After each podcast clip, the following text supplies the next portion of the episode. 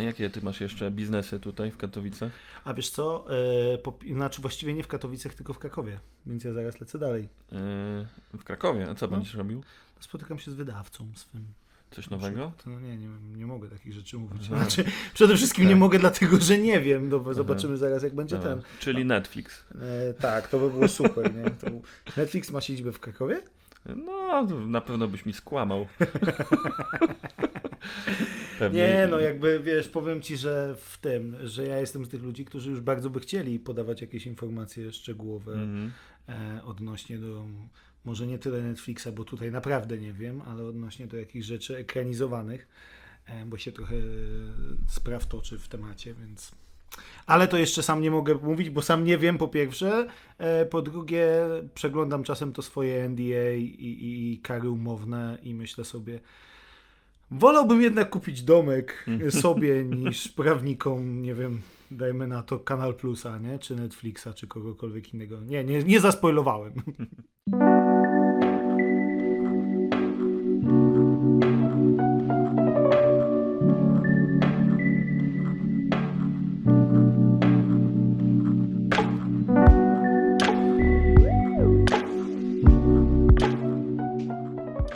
co, warto Cię przedstawić. E, Dzień dobry, tutaj mamy kolejny odcinek podcastu Ogólnie Polecam, a tym razem moim gościem jest Jakub Ćwiek, czyli jak mówi Wikipedia, pisarz, e, także e, felietonista oraz stand-uper. Znaczy, ja od kiedy się wkurwiłem na wpisy w Wikipedii, to już tak nie zaglądam, więc nie wiem, co mówi w tej chwili. Zasadniczo pisarz e, aspirujący stand-uper, więc tak. No cóż, w takim razie mam pierwsze pytanie, które będzie na pewno też najbardziej podchwytliwym. E, Jakubie, czy Ty jesteś fantastycznym pisarzem? E, oczywiście, że tak. oczywiście, że tak. E, sprawdzam tylko zakres e, mm, jakby znaczeniowy tego słowa. Na pewno jestem fantastycznym pisarzem, bo piszę fantastykę, ale też generalnie uważam, że jestem całkiem dobry w multitaskingu pisarskim. To Mhm. znaczy radzę sobie bardzo szeroko z różnymi gatunkami, bardzo długo to ćwiczyłem i w związku z tym e, no, to jest takie pisarskie MMA, w którym radzę sobie nieźle. Pisarskie MMA, bardzo fajne. E, Powiem Ci, że ja tutaj od początku, od kiedy prowadzę ten podcast, to bardzo chciałem Cię zaprosić, e, ponieważ cała Twoja twórczość jest usiana nawiązaniami, nie? Uwielbiasz Tak, człowiek wrzucać. popkultura, nie? Jakby to, to no, wkodowane do tego, a to dlatego, że ja się na czymś takim wychowałem. To Mhm. znaczy, e, ja jestem e, dzieciakiem biblioteki i dzieciakiem wypożyczalni kaset wideo, nie? Jakby nic nie ujmując moim rodzicom, to jednak te dwa miejsca dawały mi najwięcej wzorców w, w, w moim dzieciństwie. E, i mam to wszystko gdzieś zakodowane, dlatego ja też widzę takimi obrazami. Myślę pewnymi schematami, które e, mam, mam gdzieś tam zakodowane. Ja doskonale wiem, że jak już sytuacje robią się bardzo, bardzo źle, to trzeba pomalować twarz taką czarną mazią jak w komando i, e, i, i ruszyć do akcji, nie? Więc e, to są pewne wzorce lepsze i gorsze, ale jednak takie, które mam w sobie zakodowane i pomyślałem, że jak będę twórcą, to chciałbym z jednej strony oddać im trochę hołd, a z drugiej strony także trochę je naprostowywać i to już z czasem, nie? Na Mhm. zasadzie e, mówić, okej, dobra, fajnie, ale e, jak idziesz do banku załatwiać kredyt, to ta czarna maź niespecjalnie dobrze się sprawia. Trzeba jednak zestawiać trochę popkulturę i życie. No, ja też miałem właśnie, powiem Ci, w tym wieku nastoletnim bardzo dużą słabość i do wypożyczalni kaset, i do biblioteki. Y, No ja chodziłem w Białymstoku, a Ty zdaje się po drugiej stronie kraju, w Głuchołazach. Tak, w Głuchołazach maleńka mieścinka, ale tak się składa, że moja mama jest bibliotekarką, w związku z tym do biblioteki e, jakby przychodziłem tak czy siak po szkole, natomiast e, miałem tę korzyść, którą jakby niewiele dzieciaków miało, to znaczy mogłem przytrzymywać książki bez konsekwencji. E, a do wypożyczalni to się tak załapałem, że, że chodziłem bardzo często, po czym to była w ogóle moja pierwsza praca. Na, Mhm. na zasadzie najpierw tam się trochę dogadałem z Super. panią, dogadałem z panią jeszcze wtedy, jako dzieciak zupełnie, tam 11 lat miałem, e, że będę w tej wypożyczalni sprzątał w zamian za kasety. A potem tak wyszło, że ludzie przychodzili i ja im doradzałem filmy. E, I, i y, byłem przez jakiś czas taką ciekawostką na zasadzie no 11-latek, który doradza. Ale potem, e, potem ludzie rzeczywiście zaczęli mnie pytać i, i e, najlepsze akcje były, kiedy pytali mnie tam o filmy od 18 lat. Znaczy nie porno, ale, Mhm. ale wiesz, horrory, tego typu rzeczy i oni przychodzili do mnie z dwoma kasetami i pytali czy to, czy to, a ja już wiedziałem, co oni lubią oglądać, albo co tam, jakie klimaty do tej pory gdzieś wcześniej e, oglądali i, i rzeczywiście doradzałem. Bardzo rzadko się zdarzało, że nie trafiałem. Czyli ogólnie polecałeś. Tak, ogólnie polecałem. To jakby e, od, te, od tego byłem, chociaż czasami zdarzało się, że wręcz przeciwnie. Nie? Jakby mówiłem, nie, nie, nie, nie, nie, to gówno tutaj stoi po prostu, ale ra, raczej, raczej, raczej bym tego nie brał. Dobra, czyli co? To był początek lat 90. Mm, Tak, tak. To były początki lat 90. To znaczy, ja jestem rocznik 8.2, czyli to nie wiem, 93, Nieźle. coś takiego. No to co im polecałeś? Co tam wtedy stało na półkach? O, wiesz co, już nie pamiętam. E, nie pamiętam tego, co, co tam było, natomiast e, moje polecajki oczywiście opierały się e, po pierwsze o to, co rzeczywiście udało mi się obejrzeć, ale też nie wszystko widziałem. Wtedy bardzo dużo czytałem tam gazet typu Cinema Press Video, Cinema Film, Ekran, wszystkie te Mhm. materiały, które, które się pojawiały. Na podstawie tego budowałem sobie jakiś tam możliwy obraz. Oglądałem wszelkiego rodzaju filmidła, potem kinomaniaków, czy jakieś tam e, inne, więc byłem na bieżąco z, tym, z tymi wszystkimi materiałami. W dziedzinie sensacji, w dziedzinie akcji, wszystkich filmów, nie wiem, z e, Willisem, z, ze Stallonem, z Seagalem, z Van Damme, to jakby byłem ekspertem od pierwszego rzutu, ale przy niektórych, no to nie wiem, nie chciało mi się oglądać, nie, nie wiem, nowej wersji Wichrowych Wzgórz, czy, czy, Wzgórz. Okej, czyli kino Czy akcji. Bardziej kino akcji, to były moje klimaty, horror także, fantastyka, jeżeli się pojawiała, chociaż ona się wtedy pojawiała dosyć skąpo. Znaczy jakaś taka w miarę wartościowa, bo nie mówimy o, o produkcjach e, straight to DVD, Mhm. e, które miały bardzo niskie budżety i, i najniższe budżety chyba na scenariusz. E, Ale przede wszystkim akcja, no, bo to się też pojawiało w wypożyczalniach, ale też Mhm. generalnie kinowe, kinowe hity, wszystko co się przenosiło po tych paru miesiącach do wypożyczalni miałem obcykane. Mhm. Nieźle. Ja też pamiętam te czasy. Kurczę, ja miałem w ogóle wypożyczalnię kaset w tym samym bloku, w którym mieszkałem. Więc ja sobie, wiesz, wracałem ze szkoły i tam chodziłem i gapiłem się na te pudełka. Wiedziałem, gdzie każde stoi. E, No, wypożyczałem oczywiście bardzo często i sobie oglądałem. E, I e, też pamiętam, że właśnie było wtedy moje ulubione Martwe Zło na półce. Martwe zło oczywiście. Miało tak. bardzo charakterystyczną okładkę i nie wziąłem go nigdy. Nigdy go nie wziąłem. Dopiero na studiach obejrzałem ten film. I Nie, no, zobaczyłem, ja- że straciłem pół życia. Ja, ja zacząłem chyba od trzeciej części w ogóle wtedy, bo u nas pierwszego Evil Deada nie było. Więc ja pamiętam, że zacząłem od Army of Darkness, a potem Mhm. tak mi się spodobało i się nagle dowiedziałem, że to jest w ogóle trzecia część trylogii. E, wiesz, ym, Ja zacząłem od dwójki właśnie. no dwójka, która już trochę się robiła prześmiewcza momentami, Tak. nie była aż tak poważna, ale ten, ale, ale jeszcze nie była tak prześmiewcza jak część trzecia. Natomiast u mnie, zanim się pojawiło zderzenie z wypożyczalnią i także mogłeś zobaczyć okładki tych filmów i wiedzieć o co chodzi, to Mhm. mieliśmy e, sąsiada takiego pana Andrzeja i on tam nagrywał tego w cholerę, wiesz, e, Tak, i tak. i się do niego schodziło i się brało filmy e, i generalnie miał zgodne e, filmy z etykietką, w sensie z Mhm. napisem, który tam był, ale czasem zdarzało się, że nie, albo że coś pomiędzy jednym a drugim było nagrane. Pamiętam kasetę z Konanem e, Niszczycielem, e, na którym drugim filmem był Mad Max, a pomiędzy nimi z jakieś 15-20 minut niemieckiego pornola. Tak, tak, tak. I to było super, nie? Jakby e, ja pilnowałem do tego, bo ja to obejrzałem pierwszy. To była moja kaseta Tajemnica, Mhm. e, więc jak mój tata chciał zobaczyć oba te filmy, no to ja uważnie oglądałem z nim, żeby na pewno mu przewinąć w odpowiednim Mhm. momencie, żeby się nie zorientował. Ja też miałem kasetę Tajemnicę. Była ta opcja, żeby nagrywać e, filmy, które lecą w nocy, nie? Których Tak, nie, nie mogłem oglądać jako dzieciak. To jest, wiesz, z czerwonym kwadratem. tak, tak. Znaczy ja jeszcze pamiętam sprzed, e, sprzed kwadratów, ale pamiętam gdzieś tam, No. że po to się właśnie oglądało RTL, czy wszystkie e, inne ProSieben A, e, tak, satelitarne, wszystkie kanały, bo się o odpowiedniej godzinie e, odpowiednie materiały zaczynały. No i też oczywiście e, na pełnym wyciszeniu, no bo gdzieś tam rodzice w sypialni są. To była taka, wiesz, e, zabawa w podchody, nie? taki, taki e, porno ninja. Ja Znaczy, dobra, erotyk ninja, bo to nigdy porno nie było, ale Kurczę, ja nie pamiętam, ale chyba była taka opcja, że mogłeś nagrywać nawet z wyłączonym telewizorem. ale to już później. Później, To już jasne. później. Ja jestem jednak starym Dobra. człowiekiem, nie? To mnie uratowało właśnie to, że moi rodzice totalnie nie wiedzieli, jak działał magnetowid. Mhm. I ja to rozkminiłem, pamiętam, i y, y, te, telewizor był w pokoju rodziców, oni spali właśnie zawsze Mhm. w dużym pokoju. I ja sobie nagrałem nagi instynkt, jak oni spali. I nawet pewnie nie słyszeli gdzieś tam późno w nocy, tylko cyk się włączył magnetowid. A ja potem miałem na kasecie, oglądałem sobie Sharon Stone, No. jak byłem sam w domu. Ja, to, O ja, ten film, ja ten film zarówno właśnie Nagi Instynkt, jak i yy, Silver czy Sliver, bo nigdy nie pamiętam jak on się tam nazywał. Ten następny w każdym razie, ten budynku takim, e, też z Sharon Stone, e, to oba wypożyczałem sobie właśnie z wypożyczalni, w której pracowałem, w innych pudełkach.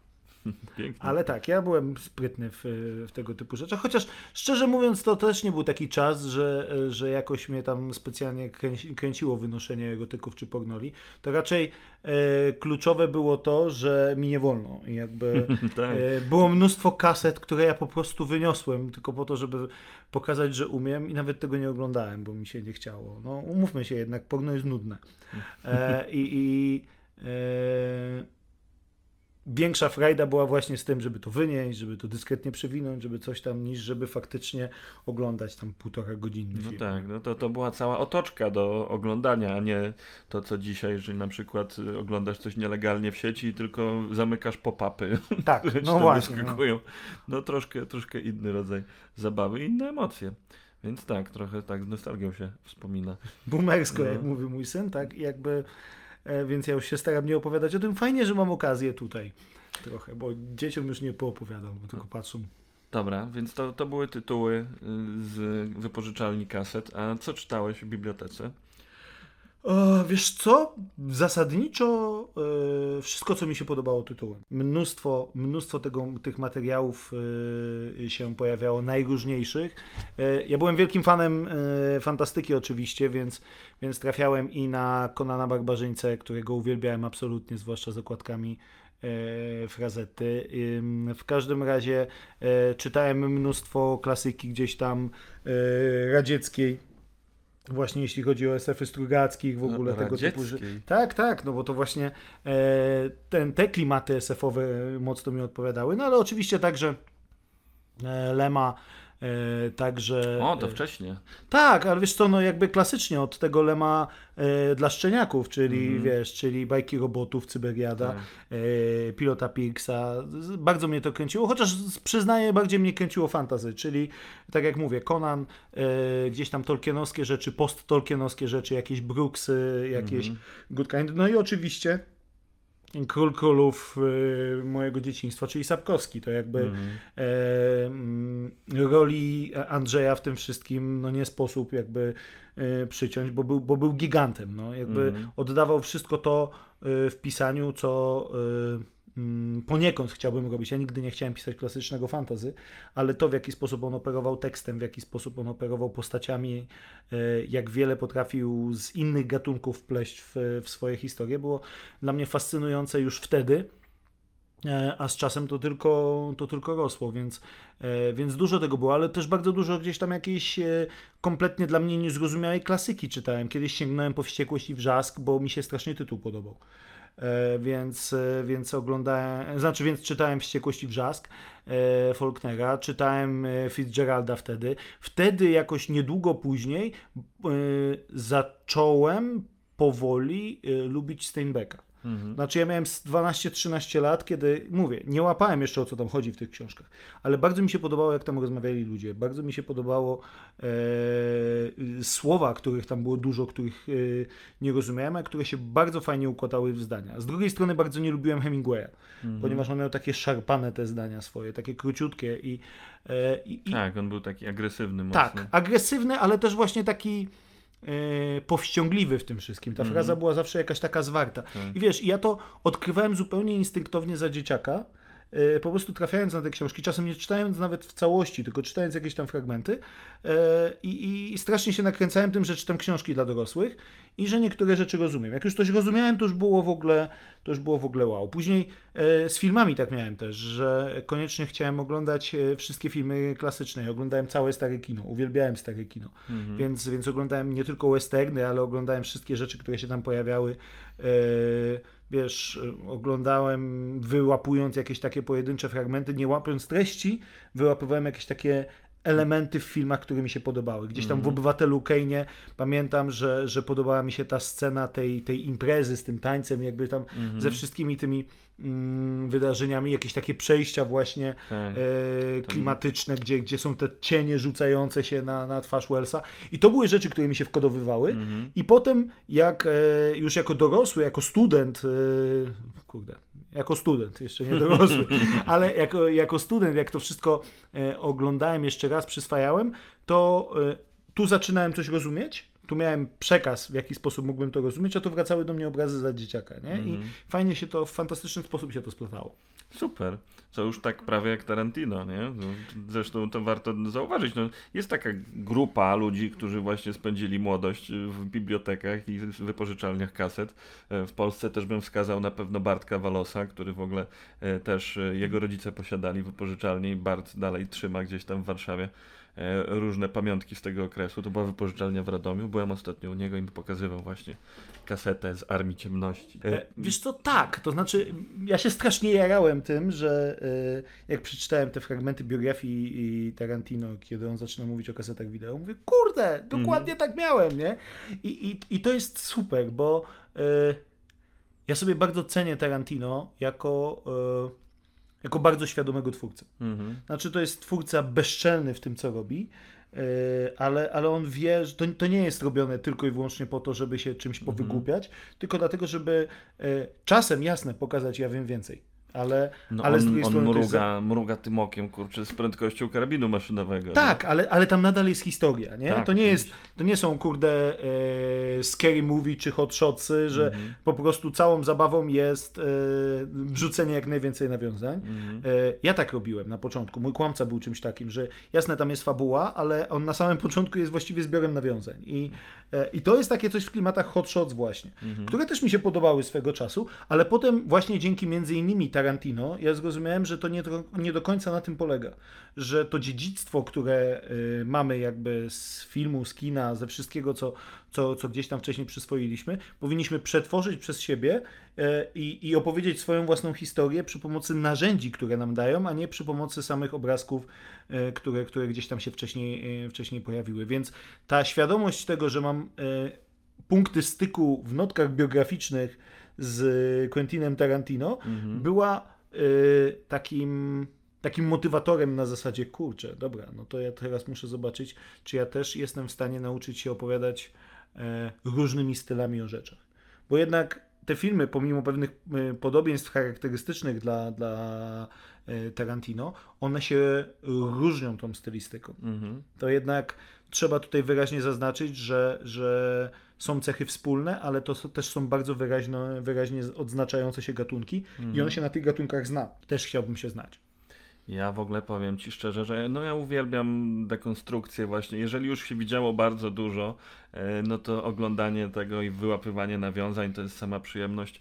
E, Też e, romanse właśnie z kinem gatunkowym, z zasadami gatunku, no to jest coś, co jest moim zdaniem najlepszą, najfajniejszą formą rozrywki. To ja Ci bardzo polecam tę jego nową książkę, która mnie się... Wy... Tarantino? Tak, te, czyli yy, dawno temu w Hollywood, która wydawała mi się, że będzie tylko nowelizacją scenariusza, a tymczasem E, tymczasem zupełnie nie. Znaczy to nadal jest ta sama historia w wielu momentach, ale to jest tak przebudowane, rozbudowane, uzupełnione czymś na kształt esejów, w ogóle jakichś gawęd e, hollywoodzkich, że to właściwie jest zupełnie osobne dzieło e, i, i coś na kształt trochę komentarza reżyserskiego, a trochę właśnie e, wypowiedzi wielkiego fascynata kina.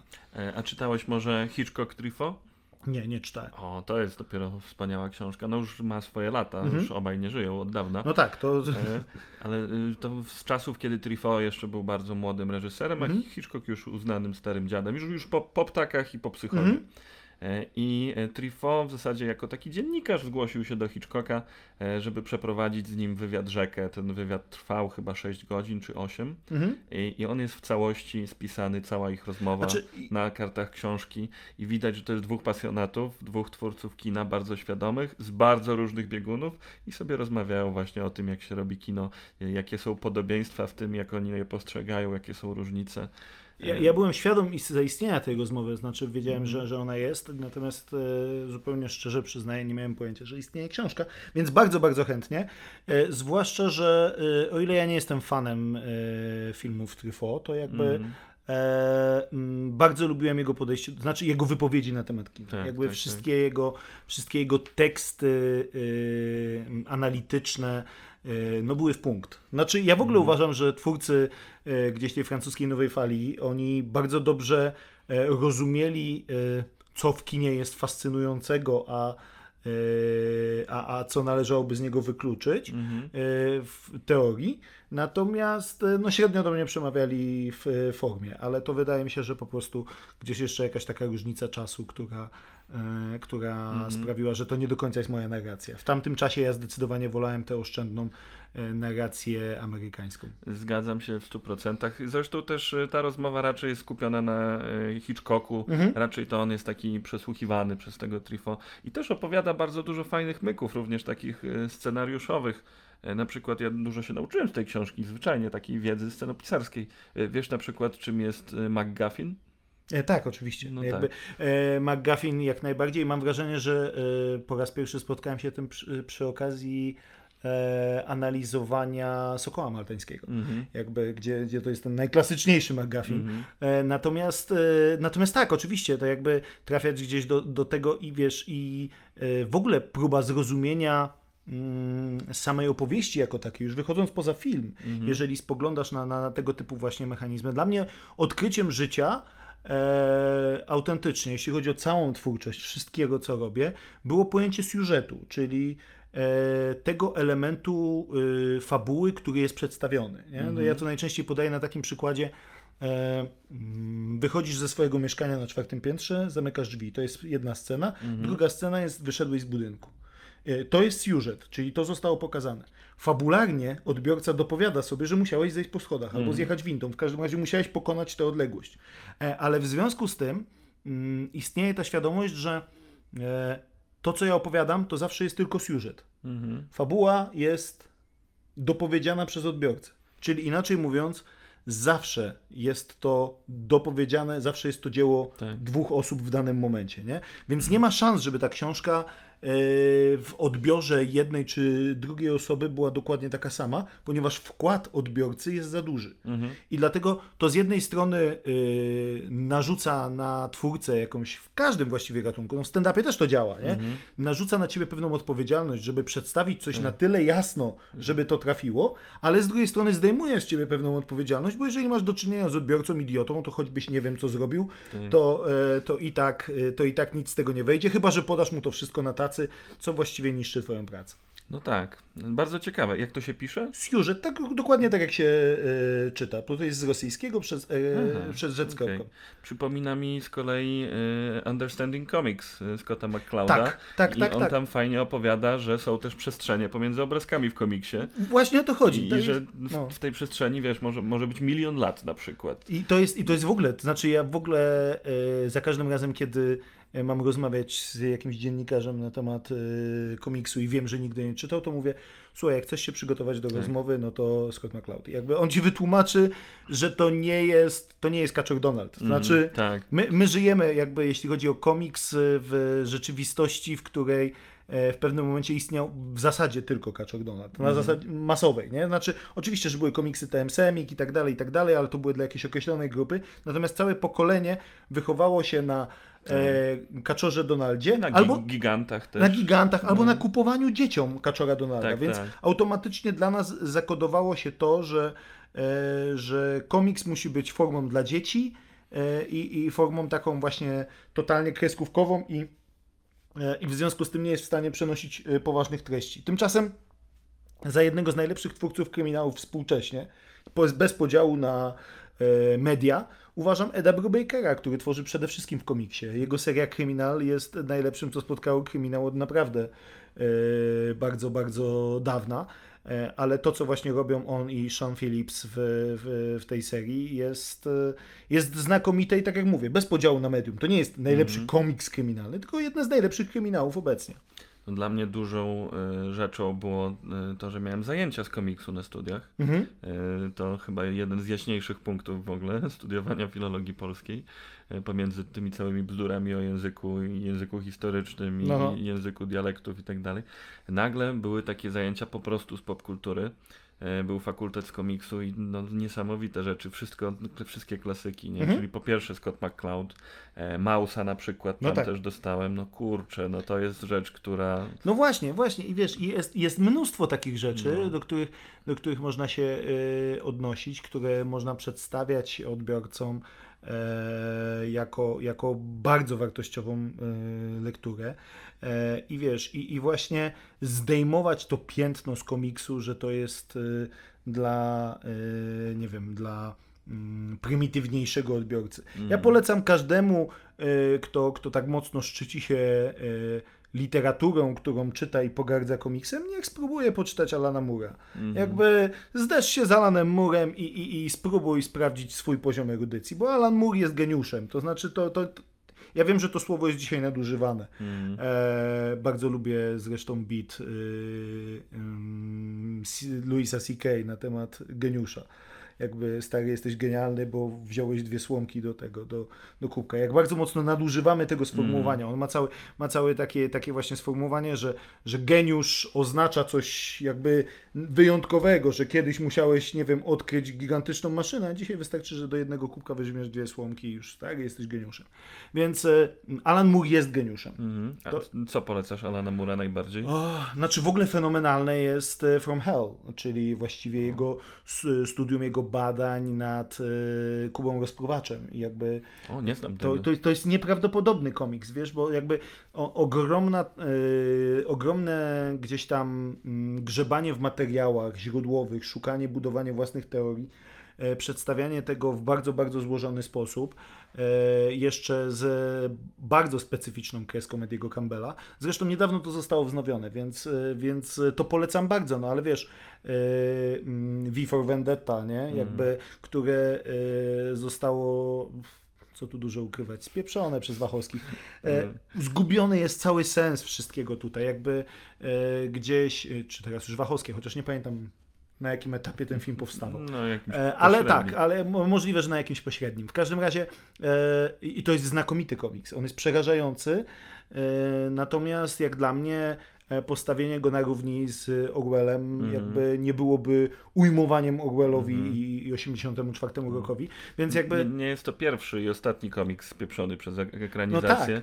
No Ym, Ja też tutaj na pewno się wtrącę z moim ukochanym The Walking Dead, który no zostało jakby tak... tak, to, to, to też prawda, oczywiście. Serial jakby sprawił, że mm, serial stał się sam swoją parodią i ta nazwa mogłaby się odnosić do tego No. właśnie, że to też już kurwa ma 13 sezonów, czy ile i, No nie, 11 chyba teraz kończą. i, i nie umiera. No, nie, Ktoś mają, kończyć z tego co wiem. strzelić tak. temu w głowę. Ale powiem ci, dla mnie, dla mnie ten serial ma dwa pozytywy. Po pierwsze, e, Norman Reedus, jakby prywatnie, którego lubię Mhm. tam postać par 6, bo jakby e, Daryl jest e, bardzo nieskomplikowaną postacią, Mhm. jakby nawet jak na standardy tego serialu. A po drugie, no jak zobaczyłem, że Jeffrey Dean Morgan gra Nigana, no to jakby dla mnie to było wow. E, nieważne, co później zrobili z tą postacią. Jakby, Mhm. jakby jego pierwsze wejście rzeczywiście wzorowane na tych scenach z komiksu Tak, tak, jest tak. fenomenalne. Uwielbiam tego aktora e, i, i, i, i ogromnie się cieszę z tego, że miałem okazję poznać ich obu. Jakby właśnie dzięki temu serialowi, więc wiesz, Nice. e, czego bym nie powiedział o, o, o tym serialu, a on ma straszne momenty. Jakby sezon czwarty, który jest snujnią właściwie po tych torach, e, sezon ósmy, którego się nie da oglądać, a który miał być najbardziej ekscytujący, bo to wielka wojna. Jakieś te wszystkie, wszystkie rzeczy tutaj, no i te poszczególne odcinki, w których właściwie nic się nie dzieje zupełnie. E, No ale w pewnym momencie był to fenomen jakby na skalę e, amerykańską bardzo, bardzo duży. Ludzie, roz, którzy nie oglądali fantastyki, rozmawiali na ten temat w autobusie, w metrze, czego byłem świadkiem, więc E, więc e, ja się cieszę, że to powstało właśnie dlatego, że Mhm. mogłem poznać tych fantastycznych ludzi, ale zgadzam się z Tobą, że tak, że jest to generalnie spieprzona ekranizacja i, e, i, i, i mm, komiks jest super. a, Mhm. i, I dużo lepszych rzeczy moglibyśmy mu życzyć. Mhm. A propos e, Kirkmana i jego super rzeczy, e, Invincible. Invincible animowany Tak jest. jest. fenomenalny. Uważam, E. że, że po prostu y, oddali wszystko, co mieli oddać w komiksie. Po pierwszym odcinku byłem bardzo sceptyczny. Uważałem, że coś tutaj spłycają, a potem Mhm. pokazali, że wcale nie. Tak, tak, tak. Y, Też właśnie obejrzałem dzięki Twojej polecajce. Absolutnie warto. Tak. E, właśnie, dochodzimy do kina superbohaterskiego. Mhm. E, to jest trochę, mm, mam wrażenie, mało podkreślane, ale to też jest fantastyka, prawda? Oczywiście, wiesz, no jakby za, przy założenie jest takie, jeżeli czegoś nie ma w rzeczywistości, Mhm. a jest w filmie, do tego to już jest fantastyka. No jakby y, fantastyka jest bardzo szerokim po, y, pojęciem, bo ono zawiera w sobie na przykład efekty futurologii w większości, nie? czyli nie wiem, tak, tak zwane science fiction bliskiego zasięgu.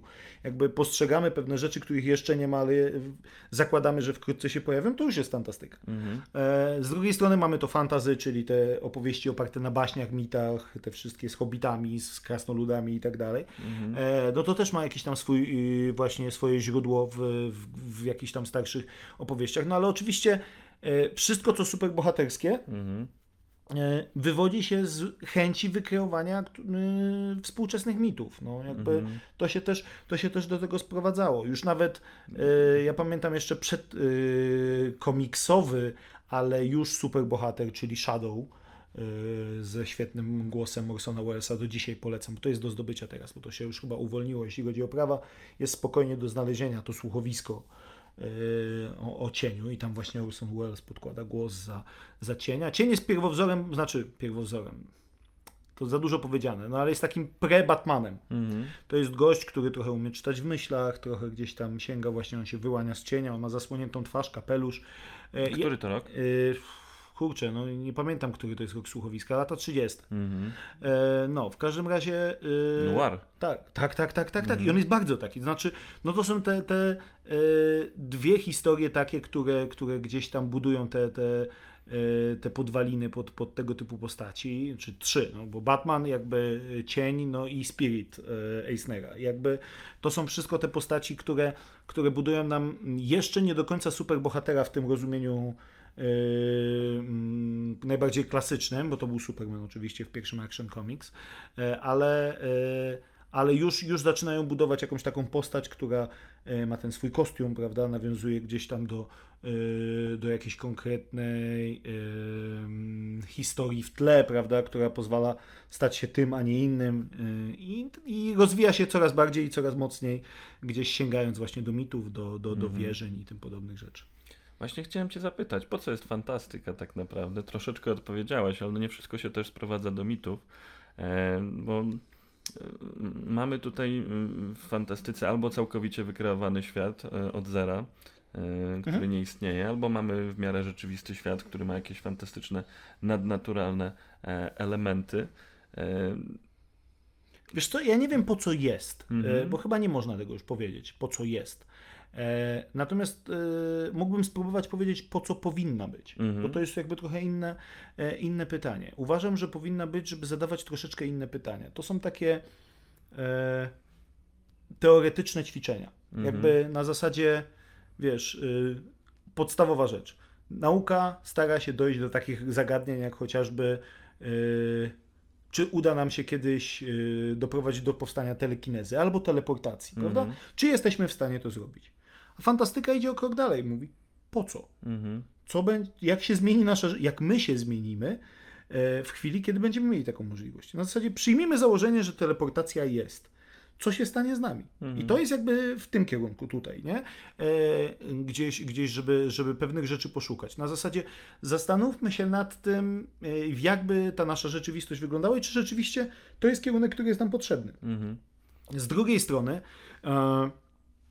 może być, e, idąc w stronę fantazy, to może być rozmowa o naszych korzeniach, Mhm. o rzeczach, które gdzieś tam się w świadomości biorą, nie? Na zasadzie, no nie wiem, y, jeżeli nie jesteś wierzący, to zdecydowana większość poglądów religijnych ludzi wokół ciebie jest fantastyką. Mhm. Jakby Y, Więc to, czy coś jest fantastyką, czy coś jest wiarą do tego, jest tylko w naszej głowie w jakiś sposób zakodowane. To jest jedyna różnica.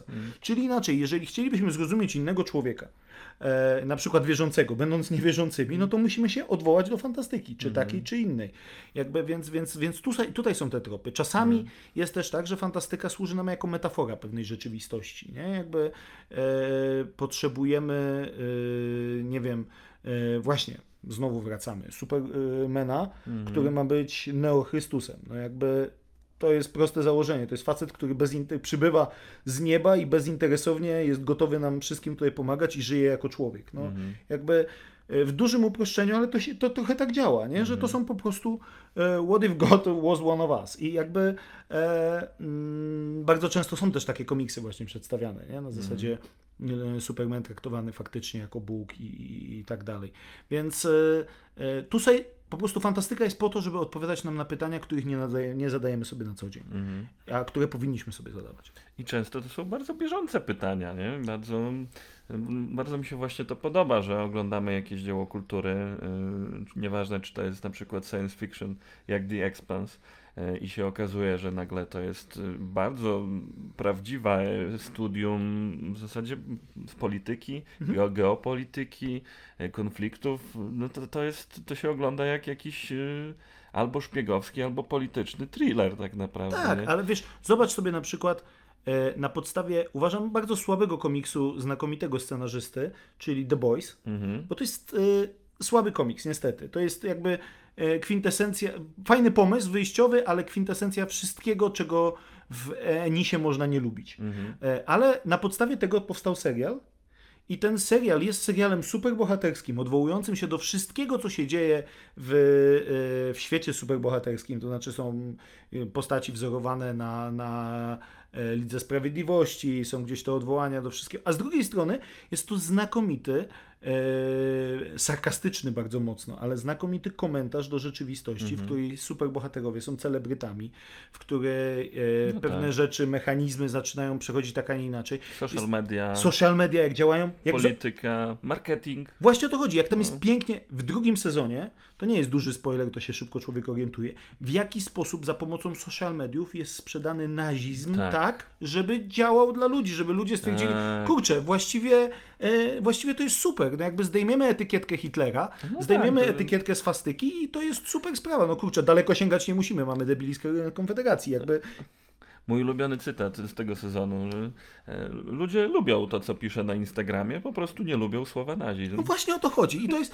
i to, jest to. I wiesz, i, e, i ten mechanizm, który działał, prawda? To zresztą też można zaobserwować, jak patrzysz po, po e, naszych e, naziolach, tak, jakby wszystkich, e, kiedy, którzy koniecznie chcą się spierać o definicję słowa nazizm, że nazizm to musi być niemiecki, bo tak jest napisane, bo coś tam i tak dalej, i tak dalej.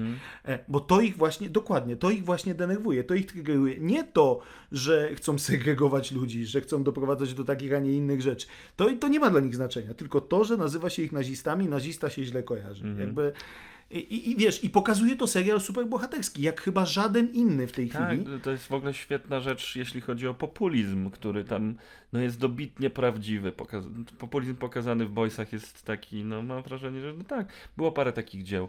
E, nie wiem, czy też widziałeś taka produkcja BBC chyba, e, Year After Year, coś takiego. Mm, e, nie wiem, nie po- kojarzę tego. Pokazywali alternatywną przyszłość, że zaczynamy teraz w roku Mhm. tym 2020 i mamy rodzinę w Mhm. Wielkiej Brytanii i akcja co odcinek się przeskakuje tam o 5 lat do przodu i właśnie Super pomysł. No. jakaś właśnie mocno populistyczna partia, partia e, czterech gwiazdek Mhm. od słowa fuck, No, no. e, czy tam fuck, it, nie, nie Mhm. pamiętam, sześciu, e, przejmuje władzę i mamy krok po kroku, No. wiesz, u, upadek państwa i, to słynne gotowanie żaby.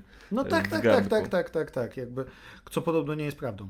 W sensie, Że gotowa... słyszałem, że żaba jednak reaguje od razu, jakby w sensie nie ma czegoś takiego, że ona nie odczuwa. Okej. Natomiast, y, natomiast też się z tym niedawno No. spotkałem dopiero i jakby, e, ale tak, o, oczywiście, no mamy z tym do czynienia przez cały czas, e, przede wszystkim ze względu na trochę zabu e, zaburzoną, bo bardzo wąską własną perspektywę, nie? Mhm. Na zasadzie, wiesz, no, wielu rzeczy bardzo długo nie widzisz, Mhm. jakby, bo, bo nie możesz widzieć, bo to nawet nie jest twoja wina, to nawet nie jest to, że jesteś ignorantem, chociaż często jesteśmy, ale, e, ale y, po prostu masz tyle bieżących problemów, że nie jesteś w stanie ogarniać wszystkiego.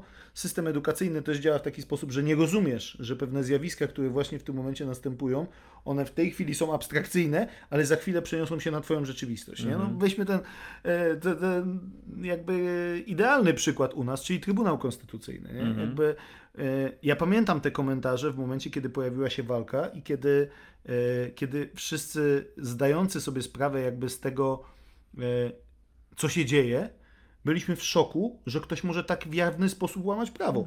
I, i, I wiesz, i To już było tak dawno temu. tak, właśnie o to chodzi, nie? No. że to było potwornie dawno, ale to było takie coś na zasadzie, kurczę, no to jest mniej więcej tak, jakby e, policjant mówi ci zatrzymaj się, a ty mówisz nie. Mhm. Jakby i koniec, i jedziesz. I co, najwię- co najgorsze w tym wszystkim, wszyscy stają w tym momencie po twojej stronie, nie po stronie policjanta. Jakby, i, I wiesz, i wtedy było takie coś, dlaczego zajmujemy się abstrakcyjnym problemem? Tylko, że to nie jest abstrakcyjny problem. To był abstrakcyjny problem w tamtym momencie, kiedy jakby y, dochodziło do jakichś rozmów między prawnikami. A teraz przenosi się nam to na praktykę i jakby na, na kwestie, kwestie codzienności. I to są właśnie takie rzeczy, w których e, dobrze napisana fantastyka, bo umówmy się, no w fantastyce jak w każdym innym gatunku jest mnóstwo gówna Mhm. E, i, i ono przeważa. Jakby w każdym gatunku e, literackim, filmowym i tak dalej przewa- przeważa syf. Mhm. E, ale e, dobrze napisana, dobrze zrealizowana e, fantastyka odpowiada na, na pytania, których normalnie nie, e, no, normalnie sobie nie zadajemy, a powinniśmy. Mhm. Powtarzam już trochę, ale tak. Ja na przykład y, mam podobne odczucia nawet wobec czegoś, co wydaje się takim taką twórczością klasy B, czyli właśnie horrory. Mhm. E, Mam wrażenie, że w horrorach tak naprawdę jest bardzo dużo odpowiedzi na temat ludzkiej psychologii. I y, nawet y, takie slashery, na przykład y, zombiowe rzeczy właśnie. No od tego się zaczęło przecież. E, jeżeli mówimy o Nocy Żywych Trupów Mhm. pierwszej, no to ona nawiązywała do zamieszek na południu wtedy amerykańskich. Zresztą bardzo symbolicznie człowiekiem, jedynym człowiekiem, który tam ginie po, świ- jakby po świcie jest czarny, nie? Jakby, Tak, i też na, najbardziej kontrowersyjną sceną podobno nie była scena tam zjadania ludzi przez Mhm. żywe trupy, tylko jak czarny bije kobietę. No właśnie tak. I to są, i to są te elementy, które, które te lęki, które w jakiś sposób e, przechodziły. Popkultura, jeżeli jest dobrze zrealizowana, świetnie realizuje pewne, e, przedstawia nam pewne, pewne lęki, pewne problemy społeczne. No weźmy Rambo pierwszego, Mhm. który jeszcze w wersji książkowej jest jeszcze lepszy, bo tutaj jakby w filmie, kiedy oglądamy film ze Stalonem, no to bierzemy stronę Stalona. Jakby to jest wyraźnie, wyraźnie zaznaczone, bierzemy jego stronę, e, znakomity skądinąd Brian Donaghy jest tym złym, ewidentnie. Natomiast w mm, książce jest inaczej. W książce jest tak, że mamy dwa punkty widzenia i one są oba bardzo sensownie przedstawione e, i ten konflikt e, jest jakby ponad naszymi bohaterami. Oni są tragiczni tutaj, bo oni są wpisani w pewną, pewien mechanizm, który wtedy działa, ale to jest to ta stara Ameryka reprezentowana e, przez szeryfa kontra e, ta zdruzgotana Ameryka wracająca z Mhm, Wietnamu, tak, nie, tak, jakby tak. przedstawiana przez Rambo, gdzie, gdzie e, ci żołnierze byli pogardzani faktycznie, jakby pluto im w twarz, oni wracali stamtąd. Mało kto tam Mhm. Tak. jechał. Mordercy dzieci, zdaje się. no właśnie tak to na nich chodzi. Tak, mówiono. tak, tak. No. Wiesz, to, ale to też jest tak, że część jechała oczywiście yy, nagabywana przez tamtejszą propagandę. Amerykańska propaganda wojskowa jest. To, to, to jest w ogóle. To jest coś nieprawdopodobnego. Wyższa szkoła jazdy. Tak, no jedziesz i wiesz, jesteś w samym centrum Nowego Jorku, e, na Times Square i tam jest wielki punkt poborowy, jakby z pięknymi reklamami filmowymi. No kurczę, zupełnie poważnie, miałem różne epizody w życiu za dzieciaka. Ja nie wiem, czy ja bym się nie zaciągnął, jakby ze względu na to, co, co w jakiś sposób e, tam, tam działa. Jesteś wychowany na popkulturze, na tym, że musisz być tym bohaterem, który, e, który znowu mazia gębę czarną mazią i w ten sposób ratuje ludzi.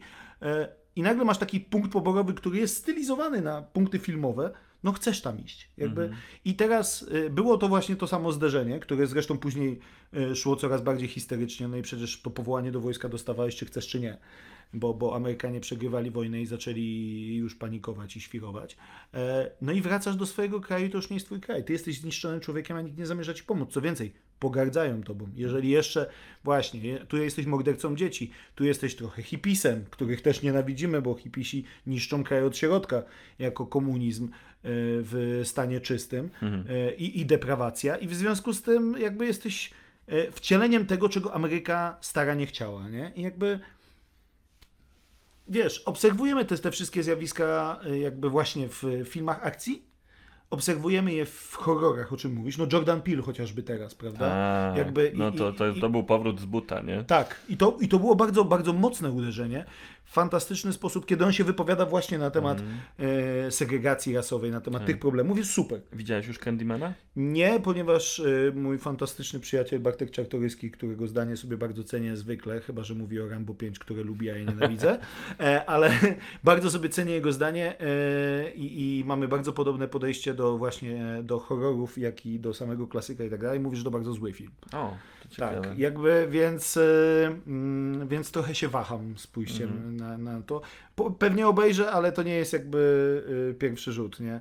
Wiesz, ja byłem z tych dzieciaków, które rzeczywiście bały się mówić Candyman przed lustrem. Więc jak, tak, oczywiście. Więc jakby, e, więc y, dla mnie to jest ważny film. Mm. Jakby bardzo się boję, że, że, że mi go tam w jakiś sposób spaprali, nie? Zwłaszcza, że do Jordana Pila mam ogromny żal za serial Hunters. Nie wiem, czy widziałeś. E, tak, wiem, ten na Amazonie z polowaniem na tak, nazistów. Tak, tak, z polowaniem na No, nazistów. Słyszałem, że jest bardzo właśnie pełen takiej graficznej, bezsensownej przemocy. I, a tak, to jest jedno, ale oprócz tego on jest potwornie, potwornie głupi. Mhm. W sensie szkodliwie głupi. Ja nie znoszę produkcji, wiesz, bo to jest.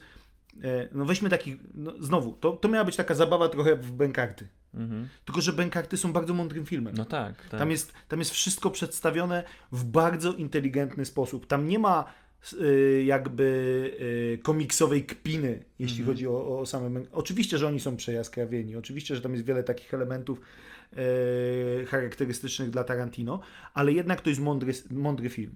Jego się z uwagą ogląda i, i, i to nie jest zgrywa dla zgrywy.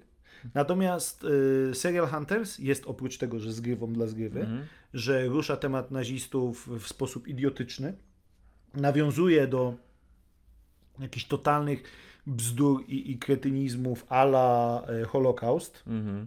bo tam każdy odcinek się jakby od tego zaczyna. Oni tam, czy no, prawie każdy e, o, o, zaczyna się od tego, że tam odwołują się do jakiegoś konkretnego nazisty i pokazują, co ten nazista niby Robił. robił. I to są tak wydumane czasem rzeczy, Mhm. że, że po prostu, wiesz, no, pff, weźmiesz to, co faktycznie robili Mhm. i ci wystarczy. Nie trzeba tego jeszcze jakoś podkręcać, nie? Tak, bo, tak, bo to, co tak. się działo, jest, e, jest wystarczające. A, a ten serial mnie potwornie zawiódł i w związku z tym boję się. Doszliśmy do, do czasów, w których y, Holokaust to za małe, nie? Tak, tak, tak. Że Wiesz co, jeszcze to trzeba podkręcać. Ja mam, ja mam e, w stand-upie e, najnowszym programie, mam nawiązanie gdzieś tam do, do rynku literackiego i, i o tym, jak zaczynają się pojawiać mody i że kiedyś te mody funkcjonowały na zasadzie od e, na przykład moda na kryminał, Mhm. a teraz jest moda na e, książki o Auschwitz do pociągu. Jakby E, tak, więc cały ten mechanizm, wiesz, jest Stoją w księgarniach, bibliotekach y, tatuażysta Hitlera, jakieś no właśnie kurde, tak, jak i wiesz, tatuażysta z tak. Auschwitz, jakby Tak, e, miłość w Auschwitz. Babcia klozetowa z Auschwitz. Tak, otóż to no. właśnie. I to, jest, i, to jest, I to jest popieprzone. To jest popieprzone strasznie. My kiedyś z Kubą Poczętym e, żartowaliśmy także podcastowo właśnie, że e, książką, której teraz nam potrzeba absolutnie w Polsce jest 365 dni w Auschwitz. Jakby, i, i, to jest, I to jest właśnie to. I, i wiesz, e, mm, to się tak spauperyzowało, ale jednocześnie e, odrealniło, Mhm, że tak, wiesz, tak, że, to że właściwie nie wiesz, Odlatuje trochę. tak, tak, tak. Oglądałem teraz Mistrza, yy, ten, ten, ten film o, o, o Teddym Mhm. e, i ten, i mam do niego zastrzeżenia, bo tam jest yy, konstrukcja taka typowa dla hollywoodzkich filmów trochę o, o, o Auschwitz, znaczy z dużymi przemianami, gdzieś tam postaci z monologami i tak dalej. To, są zastrzeżenia, które do tego filmu mam. Ale z drugiej strony jest tam bardzo dużo prawdziwych, fajnie zrobionych scen. E, już pomijam samą historię, niesamowitą historię e, Pietrzykowskiego. Tak. Czekaj, nie, nie, który to jest film? To jest ten o bokserze, y, polskim mistrzu Tedim, bodajże Pietrzykowskim, żebym mnie teraz nie pomylił nazwiska, ale, ale w każdym razie m, ten, który został bokserem w Auschwitz i w ten Jasne. sposób wywalczył sobie... A, okej, to nie, bo był też film Mistrz jakiś o, o, o, o tych... y, Jak oni się nazywają? Ci, ta sekta ze Stanów.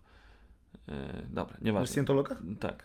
A nie, nie, nie, to zupełnie, Master. zupełnie nie to. Dobra, coś To innego. zupełnie nie to. No. To jest świeżutki film z Piotrem Głowackim, który jest tutaj no, fenomenalny, nie? Jakby kawał dobrej roboty zrobił. On się fizycznie przygotował. Rzeczywiście, wiesz, Mhm. widzisz, że e, siedzieliśmy tam z Lobo, który zawsze obserwuje, jak wyglądają walki i ten. Mhm. I tam rzeczywiście jest dobrze oddana walka. Facet, wiesz, pracował nad tym. E, A historia jest niesamowita, no bo to jest facet, który e, pięściami i rękawicami bokserskimi wywalczył sobie życie w, Tak. e, w Auschwitz, walcząc z mistrzami, nie? Jakby, więc, więc jest nieprawdopodobna i uważam, że ten film fajnie oddaje jego historię.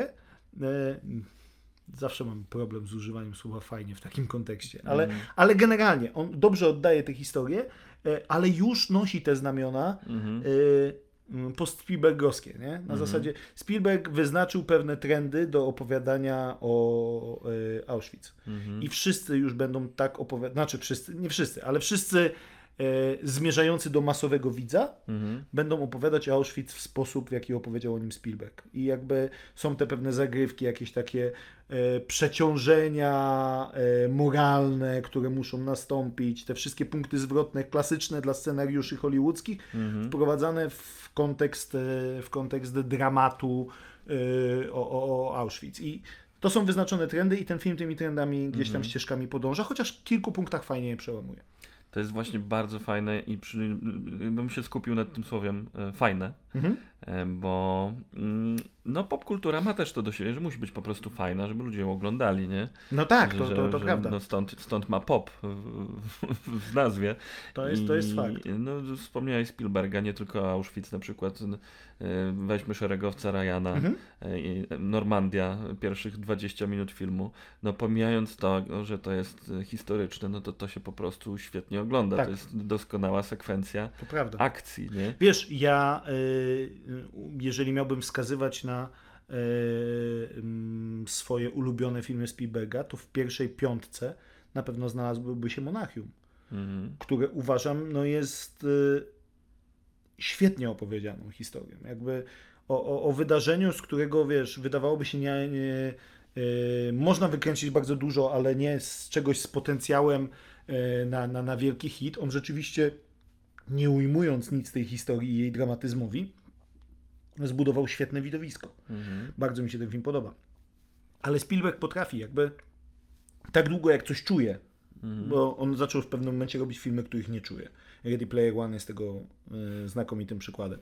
E, ale tak długo jak Spielberg coś czuje, kiedy, kiedy, kiedy robi, e, to widzisz tam e, autentyczność jakby jego emocji Mhm. i doskonały y, warsztat. Mhm. To jest facet, który, który po prostu w takim zakresie, nawet jeżeli ponosił frekwencyjną y, i finansową porażkę, to jednak y, niosło się za tym, że wow, to jest jednak, to jest jednak Spielberg, nie? To, się, Mhm. to, się, to się czuło. No ale widzisz, jest też to ryzyko właśnie przefajnienia. Ja myślę, że właśnie Huntersy, o których wspomniałeś, Mhm. to, to z tego wynikało, że ta historia była za słaba dla nich, więc chcieli ją jeszcze ufajnić. Tak, tak, tak, wiesz. e, W ogóle żyjemy teraz w, mm, w takim czasie popkulturowym, że e, bardzo łatwo wbić się w trendy, na- których nawet nie rozumiesz. Tylko po prostu, Mhm. wiesz, no memy tak działają trochę. Jeżeli zaczynasz Mhm. się posługiwać memami, to nie mając nic do powiedzenia, cały czas mówisz. Mam wrażenie, że takim przykładem wbicia w trendy, w których nie rozumiesz, jest też y, serial Wiedźmin Netflixowski. Ja myślę, że tak. Myślę, że tak. Ja e, e, miałem tak, że mm, w momencie, kiedy obejrzałem ten serial, Mhm. e, za pierwszym razem, to miałem mieszane uczucia z przewagą pozytywnych. Mhm. e, Natomiast im dłużej jestem od tego, od tego serialu, im ja jestem po jeszcze powtórce tego, e, tym więcej widzę, że, że no nie. Jakby e, to jest właśnie próba dostosowania opowieści do wszystkich Mhm. bez zrozumienia jej sensu. Mhm. I, i, i wszystko, co już dużo lepsza jest ta animacja, która w tej Tak, chwili też mi się dużo bardziej podobała. Bo ona, ona ma, wiesz, ona oddaje estetykę anime, Mhm. którą trzeba przy, przy jakiś sposób przyswoić, a przy okazji ma bardzo prostą historię, która, y, która w taki sposób przedstawiona i prezentuje mi bohaterów, i relacje między nimi. Ja w te relacje wierzę. Mhm. Jakby No i Dużo była, bardziej. była tu krótsza i dużo bardziej spójna, bo Tak. strasz, strasznie rozlazy był, był ten sezon. Natomiast tak, no, ja byłem w szoku, bo ja nie lubię anime, nie przepadam, a obejrzałem z przyjemnością Mhm. i trzymało się do kupy, nie? Wiesz, w serialu w Wiedźminie nie masz prawdziwej Yennefer. To nie jest istota potężna, niezwykła, która w zasadzie w każdej możliwej sytuacji dominowała tego Wiedźmina, bo Tak. jakby i- to ona była mózgiem. Tak. Jakby on mógł Tak, być tak, mięśniami, tak. on mógł być uczuciami, ale to ona była mózgiem. Jakby e, i, i ona jest dużo silniejszą postacią osobowościowo w książkach e, Sapkowskiego niż, e, niż w, Mhm. w tym serialu, czy w ogóle w, nawet w grze. Nawet w grze ona jest słabsza. To jest strasznie ciekawe, bo bardzo ją eksplorowali, Mhm. badali jej backstory, ale ostatecznie chyba spłaszczyli bardzo. No, Bo to backstory jest takie płytkie. Czy ja wiem, znaczy może e, mogliby coś z tym po prostu zrobić bardziej. No, dla mnie głównym grzechem tego serialu jest niekonsekwencja.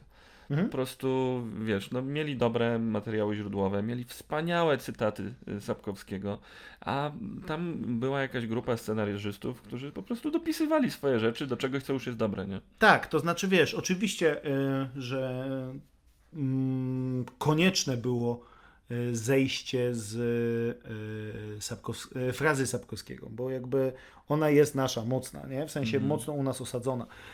Ja też to obserwuję, przeglądając gdzieś tam tłumaczenia Frencha, że, że jej tam nie ma. W sensie on nie, nie sili się na, aż tak bardzo na, nie wiem, staroangielski i tak dalej, Mhm. nie, nie, nie bawi się z czymś takim. On po prostu opowiada tę historię. To nadal działa. Czyli Wiedźmin traci w tłumaczeniu. W, zasadzie tak, on jakby, no ale musi tracić w tłumaczeniu, bo jakby Mhm. jego jed, ważną cechą, e, ważną cechą mm, pisania Sapkowskiego jest to, że nawiązuje do Sienkiewicza, Mhm. co jest dla nikogo, e, co nie jest dla nikogo czytelne oprócz nas. Mhm. To jakby to gdzieś ucieknie zupełnie. E, no wiesz, no może być gdzieś tam w okolicach naszych sąsiadów, Mhm. prawda? U Czechów też to fajnie działa, też troszeczkę inaczej jest to tłumaczone.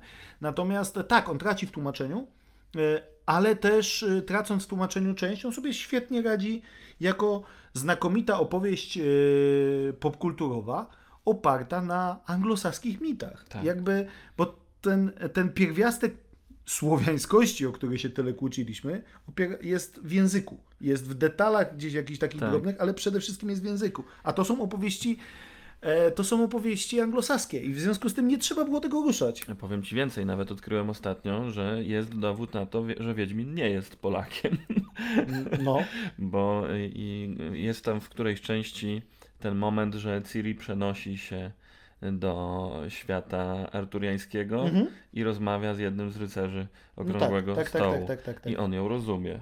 To Mhm. znaczy, że rozmawiają po angielsku. To znaczy, że Ciri jest anglojęzyczna. No, nie wiem, no to i jest, e, podzieliłem. Tak, to musiałem sprawdzić, ale tak. e, Byłem, Znaczy, byłem bardzo zajarany tą teorią Mhm. i podzieliłem się, w ogóle dzieliłem się na Facebooku ze wszystkimi. No. Słuchajcie, mam dowód, że Wiedźmin Mhm. nie jest Polakiem, nie jest z Polski. No. Ktoś mi odpisał, no tak, bo jest z Rivi. no właśnie tak. No. E, Ta dyskusja jest trochę głupia. O, oczywiście, oczywiście, że jest jakby, e, chociaż z drugiej strony e, tam pamiętam, że e, pojawiają się też krzyżacy w tych przeskokach jej. O. E, Tam jest i ona tam ma szereg przeskoków i między innymi trafia na krzyżaków. O, to tego nie E, wiedziałem. I, I pytanie jest, bo tam nie, musiałbym sprawdzić, czy ona ich rozumie, czy nie. Bo może być tak, że po prostu ma Wszystkich rozumiem. gdzieś tam tak, że, że, że zaczyna rozumieć wszystkich i taki, taka jest część jej daru i wtedy sorry, ale Wtedy może być no, Polakiem. tak, może być. Polakiem, otóż to. No bo Geralt jest tak bardzo polskim imieniem, nie? Jakby. No nic, wracając, no Wiedźmin serial został trochę spłaszczony, trochę bardzo, ale też chyba trzeba zauważyć, że była to mimo wszystko akcja bardzo udana, bo e, przy tam dopłaszczeniu tej historii, tych postaci, to faktycznie e, bardzo popularny stał się ten serial. Tak, ale tu mamy zasługę gry, której zauważ, udało się nie spłaszczać rzeczy. Jak najbardziej. Więc jakby można było tę samą historię opowiedzieć e, w sposób e, jednocześnie zachowujący klimat e, Sapkowskiego e, i trafiający do odbiorcy zachodniego. Da Mhm. się to zrobić, tego mówię, dowodem jest, dowodem jest gra. Tutaj natomiast e, trudno mi jest mi powiedzieć tak naprawdę, e, gdzie leży, gdzie leży problem z e, serialowym Wiedźminem e, w ramach, w ramach konstrukcji. Dlaczego ludzie chcieli się tutaj zdecydować na to, żeby, żeby e, pisać tę historię w zasadzie na nowo? Mhm. Bo tam, e, zobacz, w tych mm, odcinkach tam gdzie jest Sapkowski, Mhm. to działa. Tak. Trzeci odcinek, czyli nawiązujący do y, otwierającego, najstarszego opowiadania, jakby, czyli opowiadania Wiedźmin y, ze Strzygą, to trzeci odcinek działa super. Mhm. Jakby on jest klimatyczny, fajny, dobrze zrobiony, jakby y, wszystko, wszystko fajnie. Natomiast y, tam, gdzie się go ścina, skraca, przekombinowuje, jakby gdzie gubi się jego humor na rzecz, nie wiem, patosu. Tak, to no, jest, to jest słowo klucz. Ja mam wrażenie, że po prostu działa tam, gdzie jest śmiesznie. Tak, No. tam gdzie jest, wiesz, tam, tam są świetne kreacje. No, uważam, że y, od samego początku to mówiłem, ludzie nie wierzyli. Natomiast ja uważałem, że Henry Cavill będzie znakomitym Mm. Wiedźminem i jest. Bo jest fanboyem. Tak, jest fanboyem, ale też wiesz, y, to, że on jest wielki, y, gdzieś tam dobrze zbudowany, no nadal pamiętajmy, że to powinien być facet, który jednak mimo wszystko Mhm. y, powinien się szybko ruszać, ale powinien być też silny. I jakby i on to pokazał gracją swoich walk, nie? To nie jest gościu, który jest tępym osiłkiem, Mhm. to jest gościu, który potrafi się szybko poruszać. Tak samo dla mnie Jason Momoa był dużo lepszym Conanem niż Schwarzenegger, pomimo tego, że zagrał w gównianym filmie, a Schwarzenegger ma arcydzieło. E, ale, e, ale Momoa był Conanem, bo Mhm. Momoa się ruszał sprawnie. Ja potrafiłem uwierzyć, że bohater e, gdzieś tam mojego dzieciństwa, którego zresztą mam tu wytatuowanego, e, no zobacz jaki piękny Conan. Piękny E, kanał. No. I, I ten, i że on był złodziejem, jakby włamywaczem, który potrafił być super cichutki. No nie wyobrażam sobie super cichutkiego. Schwarzeneggera. No. Zresztą, zresztą to widać w Konanie Barbarzyńcy, kiedy on się gdzieś próbuje włamywać i to wygląda no trzeszczy kołek zawieszenia niewiary. No. Tak jest. A Momoa mógłby to zrobić spokojnie, jakby ja w to wierzę zupełnie. Zresztą fajnie to widać teraz w serialu, nierównym serialu, ale Momoa jest tam świetny, C na Apple TV. Y, tak, teraz drugi sezon Tak, wleciał. jest drugi sezon właśnie. Ja, Bardzo znaczy, lubię niestety, ten serial. Ma, tak. ma klimacik. ma klimacik, chociaż no wiesz, ma, e, ma mnóstwo głupotek w, gdzieś w założeniu swojego świata. E, no, e, rzeczywiście tam trzeba mocno pozwolić, żeby ten kołek sobie trzeszczał, ale, ale Momoa jest tam znakomity. Jakby Tak, tak, tak. pośród wielu innych postaci, które, które są fajnie wykreowane, Momoa jest tam świetny i, Tak. e, i, i, i, i znowu widać tę grację tego gościa. Wielki nie znaczy wolny, nie? Mam dla ciebie popkulturalny żarcik z tego serialu. Dawaj. E, Bo tam jest ten akcja, że on ma te swoje przybrane dzieci, No tak.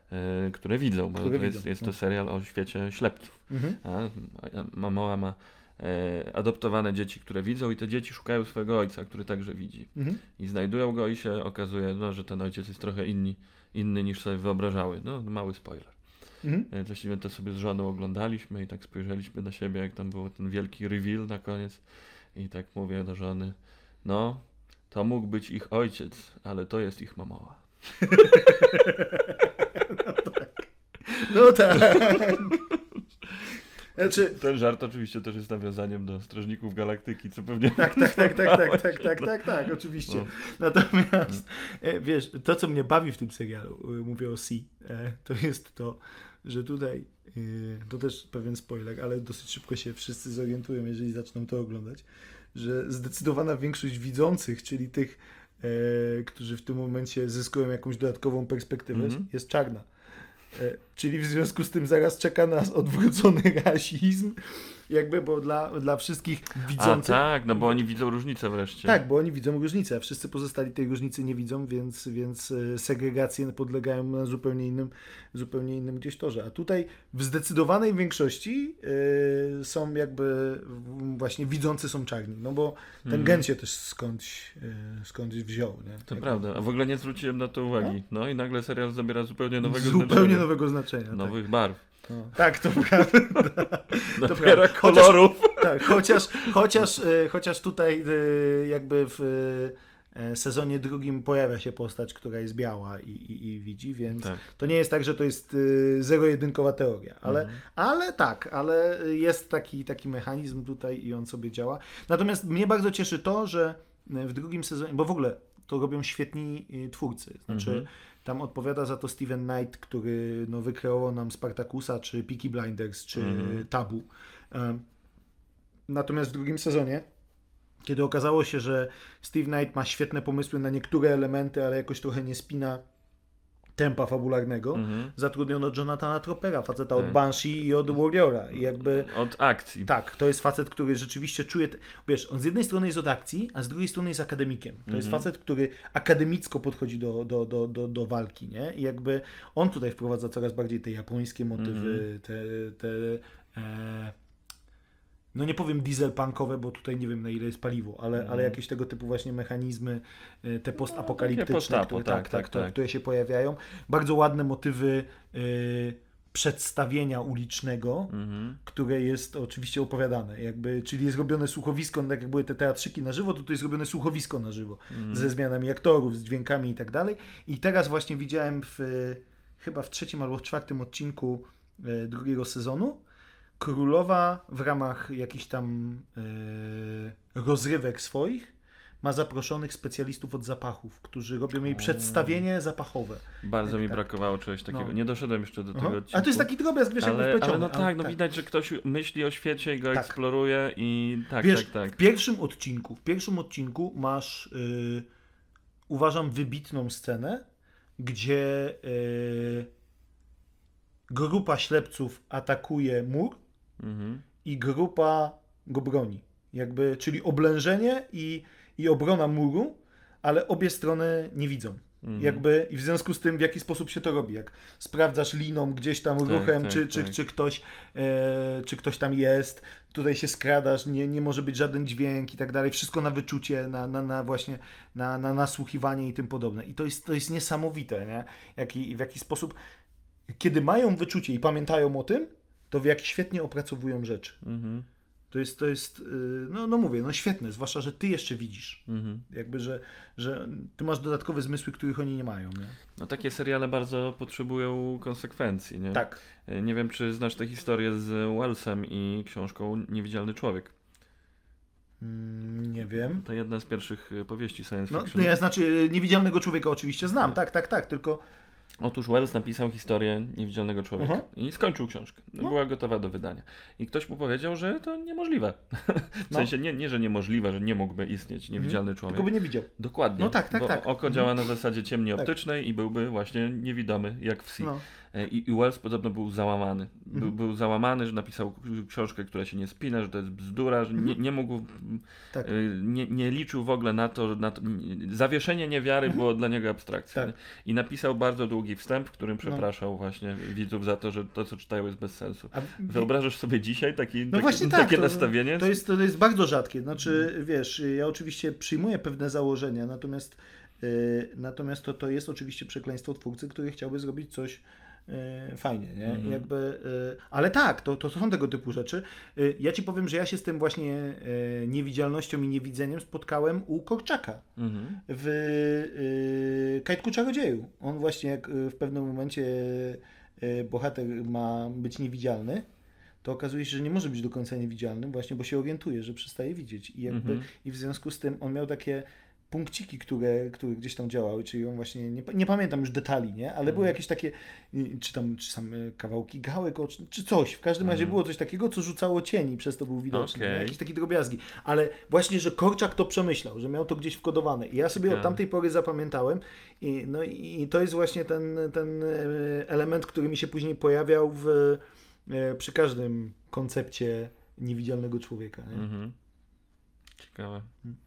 No nic, poruszyliśmy masę tematów. E, Trzeba będzie powoli zmierzać do brzegu. Mhm. W ogóle to chciałem powiedzieć, bardzo przyjemnie się z Tobą rozmawia, chociaż mam wrażenie, że strasznie galopujemy i Tak, my bo- się czaimy, a często nasi słuchacze nie będą wiedzieli, o czym e, mówimy. Też tak myślę, ale to, ale to wiesz co, no to jest, to jest ogromny temat, nie? Którym, Mhm. którym e, gdzieś zmierzamy na zasadzie e, po co jest to, czemu właściwie w taki czy inny sposób, zawodowy albo prywatny, poświęciliśmy całe życie. Mm. No tak zupełnie szczerze i na spokojnie, to bym powiedział, że przede wszystkim to jest świetna frajda. No tak, tak, tak, No. oczywiście. Ale wiesz, ale opowiadasz o czymś, co jest tak ogromną częścią twojego życia i masz na to półtorej godziny. Mhm. No, niespecjalnie się da. Albo robić to bardzo skrótowo, Mhm. albo rzeczywiście na takich wow, wow, wow, wow, to jest super, to jest super, to jest fajne, nie? Ja miałem kilkanaście momentów teraz, jak gadaliśmy, że a, nie powiedzieliśmy, czym jest McGuffin na przykład, No, no. a, la, la, la. a tutaj wspomnieliśmy tylko jakiś tytuł, ludzie nie wiedzą, co to za fabuła. No nic, no trzeba po prostu to obejrzeć sobie. Ja jestem zwolennikiem tego, żeby y, po jakiejś fajnej rozmowie, ja tak robię. E, Jak słucham, y, Mhm. nie wiem, wywiadu, znowu wrócimy do Tarantino. Słucham wywiadu z Tarantino, to dla mnie każdy wywiad z Tarantino jest potem siadaniem do internetu, Mhm. siadaniem do książek i e, dobra, tego filmu nie widziałem, albo dobra, to muszę sprawdzić, o co tu chodziło i tak dalej.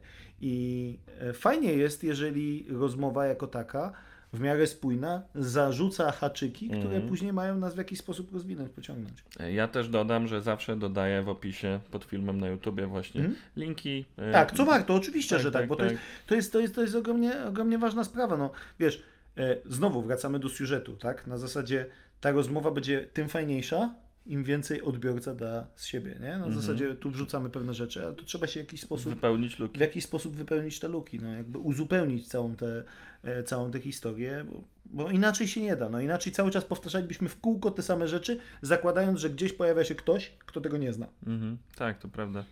No nic, jest po prostu cała masa rzeczy do polecenia. Oj, tak, zdecydowanie. A już takich najszybszych rzeczy do polecenia, jakby Najmro. Mhm. Teraz byłem w kinie, jestem zachwycony właśnie tym, jak e, opowieść, kurczę, którą znam z dzieciństwa, no bo jednak e, historia Najmrockiego, e, najsłynniejszego złodzieja i uciekiniera z więzień w PRL-owskiej Polsce, no fascynowała. No to taki nasz trochę Dillinger. Mhm. Ludzie mówią Robin Hood, ale nie, bo Robin Hood rozdawał biednym, Dillinger nie. Tak, I tak, jakby tak. i to samo jest tutaj. No, Najmrocki nie rozdawał biednym, ale rzeczywiście i po pierwsze napadał na Peweksy, po drugie właśnie e, uciekał z tego więzienia w sposób czasem spektakularny. I zrobiono film, który e, chyba po raz pierwszy, nie, drugi. Uważam, że był już wcześniej film, który świetnie się bawił konwencją i rozumiał tę konwencję i to było Disco Polo Mhm. z Dawidem Ogrodnikiem. Mówisz o polskich filmach. Tak, tak, tak. Mówię No. o polskich filmach, tak. Disco Polo świetnie się bawiło yy, koncepcją, do tego stopnia, że ja, który bardzo nie lubię Disco Polo, e, świetnie się bawiłem na tamtym filmie. Uważam, że był znakomity. Konwencja westernowa, gdzieś tam przeskakująca w jakąś sensację, film muzyczny, wszystko. I to wszystko było spójne. Najmro idzie o krok dalej. Na zasadzie to jest znakomita zabawa materiałem wyjściowym, świetnie podprowadzona, e, lekka, fajna i, i, i bardzo godna polecenia. Super. Też mówiłeś o e, inspiracjach tam Edgarem Wrightem, zdaje się. E, Tak, tak, tak, bo ja uważam, że, że tutaj bardzo dużo jest właśnie e, motywów ala, ala Tarantino, ale lekki, w sensie nie, nie, nie Mhm. Budujemy... Tarantino. Tak, nie budujemy drugiego No, dna tak. do tego, tylko po prostu te elementy, elementy zabawy, trochę Rodrigueza, trochę właśnie Edgara Wrighta. Na zasadzie Mhm. z Edgara Wrighta jest tutaj o tyle najwięcej, że mm, Wright ma takie, Mhm. takie poczucie, znaczy po pierwsze on lubi swoich No bohaterów taki zawsze fan. Taki, Tak. On się tak bawi wszystkim. On- I montażem, i muzyką. i dialogami. Tak. które, które potrafi, potrafi zrobić. To jest właśnie takie coś, co zaobserwowałem gdzieś kiedyś u Wrighta, że e, on nie, nie dąży do bonmotu. Mhm. Bohaterowie, jego bohaterowie nie muszą czegoś mówić, bo czasami sytuacja to dopowie.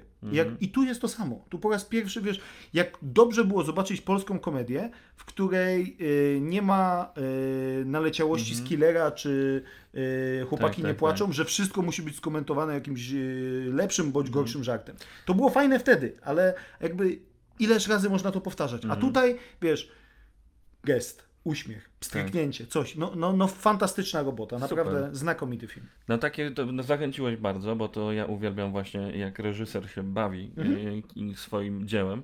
Jeszcze gatunkowo to Tu jest, bardziej. reżyser jest także współscenarzystą i to też jakby widać, Widać. wyraźnie. Super. Tak, że rozumie, rozumie na poziomie y, zdjęć, na poziomie montowania, budowania sceny z aktorami, Mhm. rozumie co chciał powiedzieć scenarzysta, bo jest jednym No. z nich. Nie? E, Też ci powiem, że ja byłem ostatnio w, ner- w nerdowym niebie, Mhm. e, ponieważ zdałem sobie sprawę, że poza Martwym Złem to tak No. naprawdę i Spider-Manami, to nie widziałem za dużo e, kina Raimiego i stwierdziłem, Mhm. że obejrzę sobie wszystkie pozostałe jego filmy. I o Boże, co to była za wspaniała przygoda. Ten koleś bawi się wszystkim, czego dotknie. Czy my mamy jeszcze chwilę na e, anegdotę z samym Raimim? Dawaj. Słuchaj, e, byliśmy w San Diego z Bartkiem Czartoryskim I byliśmy zaproszeni tam na taką prasową yy, no, imprezę, na której też mieli być aktorzy. Wchodzimy do holu, patrzymy, tam jest i właśnie Sam Raimi i jego brat Iwan. Rozmawiałem z jakimiś producentami. Stanęliśmy sobie grzecznie, bo chcieliśmy zrobić zdjęcie jakby z nimi. Sam Raimi nas zobaczył, przeprosił producentów, podszedł do nas, mówi, czy panowie do mnie? No, że tak, że zdjęcie, no ale jakby poczekamy. On mówi, to nie ma co czekać, to on tylko przeprosi tam jeszcze raz, że chwilę nam to zajmie. No i rzeczywiście poszedł, wrócił do nas, rozmawiamy chwilę e, i, i mówimy o tym zdjęciu. On mówi, dobrze, tylko to, musi, to nie może być takie zwykłe zdjęcie, ja je wyreżyseruję. Więc wy się tutaj ustawcie e, i, i, i zrobimy tak, że musicie udawać, że jesteście przerażeni, nie? No i rzeczywiście mamy zdjęcie takie, jak widać tył głowy sama Raimiego i e, Iwan e, Reitman i Bartek Czartoryski są przerażeni, a ja stoję za nimi i robię tak, nie? W sensie to, to tłumacząc jakby, bo to e, w podcaście, udaję jakbym był straszydłem, które stoi za nimi. E, I sam tak spojrzał, mówi e, do mnie, przepraszam, ale co pan właściwie robi? A ja mówię, no ja tak sobie pomyślałem, że jakby jak są ludzie przestraszeni, no to fajnie by było, gdyby e, było też jakieś straszydło i ten. Mówi, to jest bardzo dobra inicjatywa, ale po pierwsze stoi pan za nimi, w związku z tym nie mógł ich przestraszyć. A po drugie, ja wydałem jako reżyser zupełnie inne polecenie, w związku z tym zwalniam pana. Więc zostałem zwolniony przez sama Raimiego. A, ale mamy to zdjęcie z nimi i, i rzeczywiście e, powiem, że e, miałem okazję spotykać się z wieloma ludźmi i oni zazwyczaj są sympatyczni, jeśli chodzi o filmowców. Ale tak ciepłego, miłego człowieka jak e, Sam Raimi, który rzeczywiście rozumie swoich fanów e, i wie, że mamy wspólne zajawki wszyscy, no to, to, to dawno nie spotkałem. A to było przy okazji promocji Aż kontra Martwe Zło. Mhm. No cóż, czysty fan, widać, Tak. że wspaniale się z nim obcuje. No i też e, wspaniale, wspaniale się obcuje z jego filmami, więc ja na pewno chciałbym polecić trzy tytuły. E, po pierwsze Drag Me to Hell, dostępny na Mhm. Tak. Netflixie. Boże, jaki to jest śmieszny horror. Znakomity jest, to prawda. I to jest taki po właśnie po, e, po tych jego filmach, e, po, po, po Spider-Manach, kiedy już ludzie zakładali, że okej, dobra, no facet poszedł w komercję, to on nagle Tak. zrobił tak niszowy film Tak. o klątwie w ogóle. Maria, to, jest, to jest film, w którym straszydłem jest cyganka. Tak. Ja nie wiem, jak długo on pobędzie na Netflixie. Podejrzewam, że już niedługo, ale no jest, jest prześmieszny. E, drugi film. I e, straszny. Momentami on jest straszny. Jak, jak najbardziej. E, Raimi kiedyś powiedział w wywiadzie, że jak się przyjrzysz na reakcje w kinach, zazwyczaj w kinach nie ma za dużo reakcji, ale jeżeli już są, to, to jest to śmiech. Mhm. I w przypadku, jeżeli to jest horror, to ludzie czasami robią tak. I to, Tak. to są najbardziej żywiołowe reakcje. Jego ambicją stało się w pewnym momencie je połączyć. Połączyć. Tak. I to widać bardzo wyraźnie, że świetnie mu to wychodzi, kiedy to robi. No? W tym filmie jest scena ataku Mhm. e, cyganki bez zębów. W samochodzie. Tak, więc jest, jest to jednocześnie atak, jest jednocześnie też rozbrojona Tak. i gryzie taką bezzębną żuchwą. To, to jest moim zdaniem właśnie to. To, gdzie się spotyka horror i komedia i to jest obrzydliwość. Tak. I to tak, jest tak, tak. bardzo, I, to bardzo, bardzo, dobrze bardzo zrobione, naprawdę. Co jeszcze? Oglądałem jego western, e, Szybcy i Martwi. Szyb, tak, tak, Je, tak, tak, I tak. tam też Sharon Stone była. Sharon Stone, ale tam Jej. jest, tam jest znakomity Russell Crowe. To on w ogóle, Sharon Stone go sobie zażyczyła i to od tego się zaczęła O, jego kariera. Nie wiedziałem No, tego. więc jakby on, on jest tutaj znakomity. Bardzo lubię ten film. No mi się podoba, że to jest w zasadzie Battle Royale. Tam wszystkie postaci się zabijają aż Mhm. Tak. do końca. I, i, świetne. Bardzo, bardzo Znakomite dobre i też e, zupełnie nowy gatunek, świetnie się sprawdził, doskonale Mhm. się bawił i też mam wrażenie, że jeszcze był mało rajmiowy jak na siebie, Mhm. nie? że mógłby to bardziej podkręcić, ale tutaj tak z szacunkiem Z raczej szacunkiem do gatunku. gatunku, a jednocześnie z postawieniem całkowicie na rozrywkę. Mało było w tamtym czasie w ogóle sensownych westernów, a jeszcze western połączony z kinem akcji. Znakomita robota. I jeszcze Darkmana zobaczyłem. E, No to tak, jeżeli wa- warto zawsze zobaczyć Darkmana e, i zaraz potem Spidermana.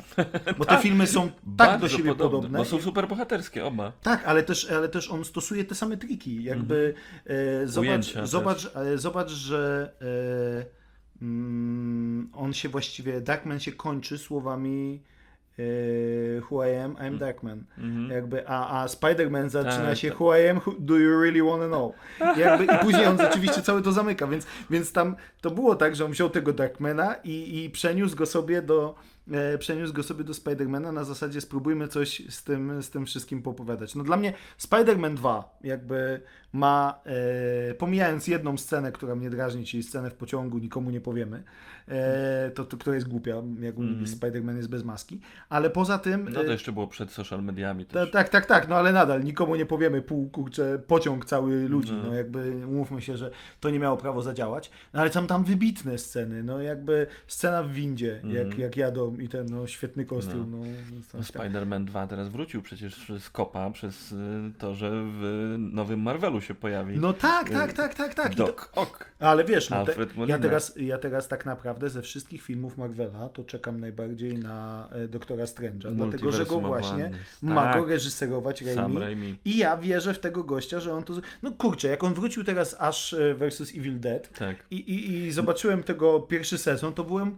wow. Nie? Ja jestem stuprocentowo pewien, że Bruce Campbell będzie w tym filmie. Że, No, że tak. Bruce Campbell musi się pojawić w, w uniwersum Marvela. Nie Ma- ma takiej opcji. Mam nadzieję, że z jakąś trochę większą rolą, bo on w pewnym momencie zaczął psioczyć na sama Raimiego, że przez to, że ciągle Że grał u niego jakieś epizody, to jakby tracił możliwość grania rzeczy poważnych, ale potem zagrał w tym fajnym, uważam, takim e, komediowo-szpiegowskim serialu Burn Notice. Mhm. E, No i tam rzeczywiście przez kilka sezonów się trzymał, więc e, odbudował sobie trochę karierę. Mhm. Zresztą, no nie ukrywajmy, e, Bruce Campbell to dupek. Jakby Tak, tak. on, tak jak, słyszałem. on, on, on e, oczywiście buduje urok wokół tego bycia dupkiem, ale jest strasznym dupkiem. Też miałem okazję chwilę z nim rozmawiać. No, no, no, no jest koszmarny, nie? W sensie ten facet jest, je- jest absolutnym zaprzeczeniem sama Raimiego. Ja nie wiem, jakim cudem oni się kumplują, nie? No cóż, poznali się na studiach, a potem No tak, tak, tak. drogą. Każdy, każdy swoją drogą. E, powiem ci, że e, nie wiem, czy oglądałeś What If e, teraz, ten Nie, serial animowany. Bo nienawidzę Disney Plusa za to, że ich u nas nie ma i bojkotuję. No, okej. Powiem ci tylko, że no ja byłem akurat za granicą, żeby Mhm. obejrzeć What If. No, tak, tak, tak, tak, tak, ja wiem. Wiadomo, to konkretnie pojechałem do Argentyny. Aha. E, w każdym razie e, obejrzyj sobie proszę jeden odcinek What If właśnie Mhm. o Doktorze Strange'u, a będziesz się jarał e, tym nowym filmem 10 razy bardziej. Nie, no wiesz Ja, co, ja widzę, w jakie one, oni wątki będą eksplorować i Ja mam straszny. Znaczy, z tych wszystkich seriali y, na Disney Plusie, które się pojawiły, mówię tutaj zarówno o Mandalorianie, jak i o wszystkich rzeczach Marvelowskich. Przy What If mam po raz pierwszy takie coś, że chcę się złamać, nie? Mhm. Na zasadzie, e, że jednak to obejrzę. Bo tak normalnie, ja oczywiście, że większość swojego życia nastoletniego wychowałem się na kinie pirackim, na, na, gdzieś tam na filmach pirackich, no bo się nie dało inaczej. Mhm. E, do dzisiaj też wychodzę z takiego założenia, że e, staram się za wszystkie rzeczy y, płacić. Mhm. Natomiast jeżeli y, nie mogę za to zapłacić tylko i wyłącznie dlatego, że y, no bo jest jakieś durne obostrzenie y, prawne, korpo, coś tam i tak dalej, to wtedy mówię chrzanić i odpalam jakiegoś tam streamera. No tak, E, no, ma bardzo podobne podejście. No, tak. Niektórych rzeczy po prostu nie ma. Natomiast, inaczej. natomiast tak, natomiast z Disney Plusem, no to na razie po prostu e, bojkotuję, ale obawiam się, że właśnie w przypadku What If w ogóle e, może mi to e, nie wyjść, bo, bo mówię, na ten serial trochę czekałem. Ja zawsze lubiłem te eksperymenty alternatywne, chociaż tutaj wiem, że to się i tak ma wplatać w fabułę. Tam jest dużo głupotek, Mhm. natomiast y, widać też właśnie tę nieskrępowaną zabawę. Marvel trochę spuścił ze smyczy scenarzystów i... faktycznie- właśnie, W to- zasadzie o tym gadamy przez całą rozmowę, Tak. nie? Że tym jest fantastyka. No wiesz, no Legion Samobójców, spuszczony ze smyczy e, gun i jakby nagle Mhm. zupełnie, zupełnie inny klimat e, gdzieś, gdzieś w tym wszystkim łapiesz. Zresztą ze Strażnikami Galaktyki to było to samo, nie? Mhm. Że nagle, wiesz, nikt się nie spodziewał, bo nikt, kurczę, na świecie nie wiedział, kim są cholera Strażnicy Galaktyki. Jakby w Stanach, owszem, coś tam, ale to zawsze była tam trzecia, czwarta liga. To nie jest w ogóle e, gdzieś e, rozmawianie. I dlatego No Gun większy- ich kupił, bo to nagle wróciło kino nowej przygody. Właśnie o to chodzi, I ale wiesz, co, i świetnie. jakby ludzie niespecjalnie wiedzieli, czego się spodziewać po Ganie, bo mało kto śledził tego faceta od samego początku kariery. Ja jestem wielkim fanem kina Tromy, w ogóle i wszystkiego, co Troma robi, te wszystkie Mhm. studia e, filmów za 40 dolarów. Ja widziałem Tromeo i Julię i, i jakby i, i te wszystkie filmy na pograniczu kiczu, horroru, obrzydliwego porno i w ogóle te wszystkie dziwactwa, które oni robili. Więc ja widziałem, że e, Gunn jest gościem, który no, no nie ma hamulców, nie? Jakby Facet y, może opowiedzieć o wszystkim i, i, i przeskoczy y, absolutnie każdy temat, bo nie skrępuje go nic na zasadzie, tego nie wypada. Jasne. Dobra, e, wiem, że możemy gadać w nieskończoność gdzieś musi ta kropka stanąć, nie? do brzegu. E, cóż, e, jakbyś tak miał podsumować w słowie czy dwóch, e, co polecasz? E, lecz nie, nie chodzi mi o jakiś konkretny tytuł. Wiesz co, e, to ja generalnie polecam e, otworzenie się na popkulturę. Bo tym, co jest najgorsze e, w przyjmowaniu popkultury jako takiej, jako takiej, jest szybkie zamknięcie się. To mi się podoba i w związku z tym ja już z tym zostanę. W Polsce będziemy na to cierpieć bardzo, bardzo długo, ze względu na to, że zawsze, kiedy szybko się zamkniemy, to pojawi się taki stachanowiec typu, nie wiem, Patryk Wega czy Remigiusz Mróz, który Mhm. będzie ci dostarczał dokładnie to, co już znasz. E, I wtedy powstaje najgorsza możliwa popkultura, czyli ta, kiedy twórca patrzy na to, co ludzie chcą dostać Mm, i dokładnie to im daje. To nie ma szans się rozwinąć. Natomiast e, popkulturą właściwą, i na tę należy zawsze zwracać uwagę, jest kiedy twórca rozumie swoich widzów e, i mówi do nich językiem, który oni zrozumieją, ale swoje opowieści. mm. Na przykład właśnie wspomniany e, Tarantino, wspomniany Gunn, e, e, wspomniany Edgar Wright, czy chociażby twórcy Najmro rozumieją o co, o co chodzi, rozumieją w jaki sposób mówić do odbiorców, ale mówią po swojemu. I jakby więcej Najmro, mniej Mroza. Super, no to w takim razie dziękuję za rozmowę. Dzięki bardzo.